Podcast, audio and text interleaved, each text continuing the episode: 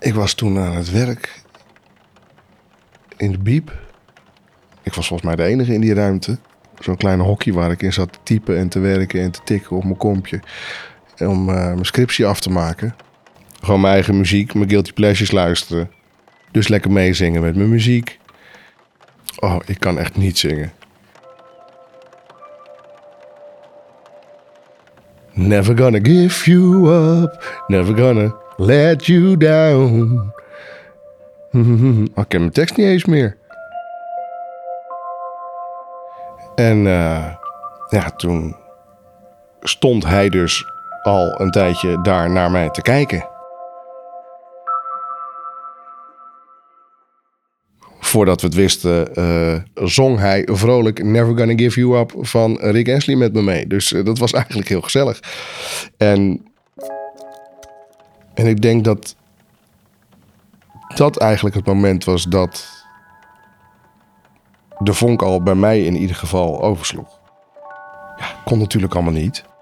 Hij was, uh, weet ik veel, vijf, zes jaar ouder. Niet heel veel, maar hij was mijn professor. Dus dat is gewoon niet in vragen. En vanaf dat moment waren we eigenlijk gewoon vertrokken.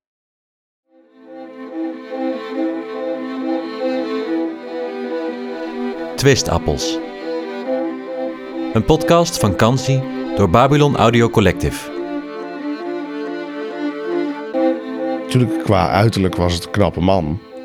Dat warrige koepje wat hij had en uh, dat ongeschoren bekkie vond ik heel mooi. Um, ik vond zijn dunne beentjes en zijn dunne armpjes eigenlijk wel leuk.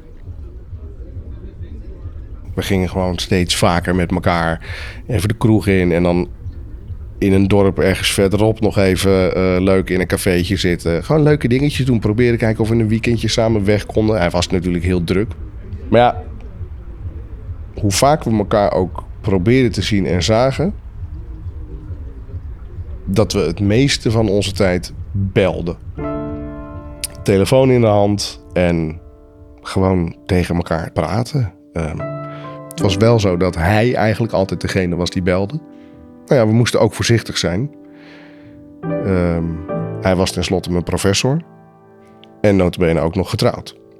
Hij had uh, geen mobiel. Hij had toen nog gewoon zo'n uh, zo, zo'n thuistelefoon waar je wel mee kon rondlopen. Ik belde hem nooit. Ik heb hem één keer wel gebeld. Um, maar ja, toen nam Selin op. Ja, dat bleef lastig. Gewoon blijven bedenken van wat brengt het om? Wat, wat, wat, wat kan ik hier nou mee? Ga ik dit nog tien jaar zo doen? Of... Want hij wilde ook gewoon zijn vrouw, uh, Selin, wilde die ook niet ongelukkig maken. Um, dat is een prachtige vrouw. Heel mooi, zo grote ogen en beetje zo'n witte, uh, witte huid, wat kleine sproetjes, een blosje op de wangen die, die ze niet met make-up hoefde te maken. Prachtige bos, rode krullen, echt ongelooflijk mooi. Dat je denkt, hallo, scheer het af, maak er een bruik van, dan zet ik hem op. En ze was super slim.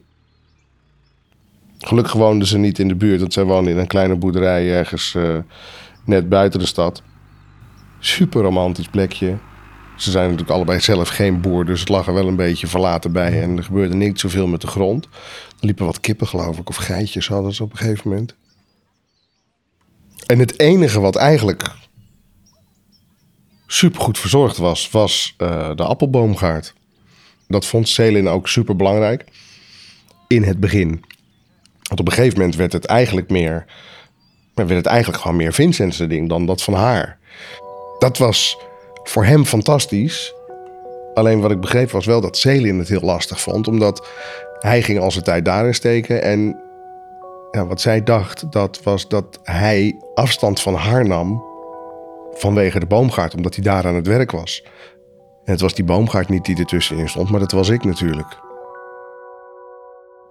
Ja, toch ging dat op een gegeven moment helemaal mis. En ook best wel little bit awkward. Um, een dag op de universiteit en uh, ik kom daar aan.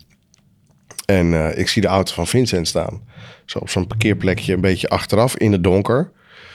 Dus ik dacht, hmm, eens even kijken. Dus die autodeuren die uh, waren open. Nou ja. Dus ik dacht, ik ga deze leuke man eens even fijn verrassen. Dus ik ga op de achterbank zitten en eh doe mijn schoenen uit, kleed me helemaal uit en ik zit daar. En ik zie gewoon allemaal mensen zo over het eh, parkeerplaats lopen en fietsen. En ik zit daar gewoon in mijn blote bassie eh, tegen dat skaleer aan van die achterbank. En ik zit daar en. En ja. Na, ik weet het niet, een kwartiertje of zo. Zie ik Vincent aankomen. Hij loopt de universiteit uit, dus ik denk, daar gaan we. Hallo, hallo. En dan zie ik dat Selin er ook achter loopt. En die loopt richting de auto. En ik denk alleen maar, oh nee, nee, nee, nee, nee, nee, nee, oh kak.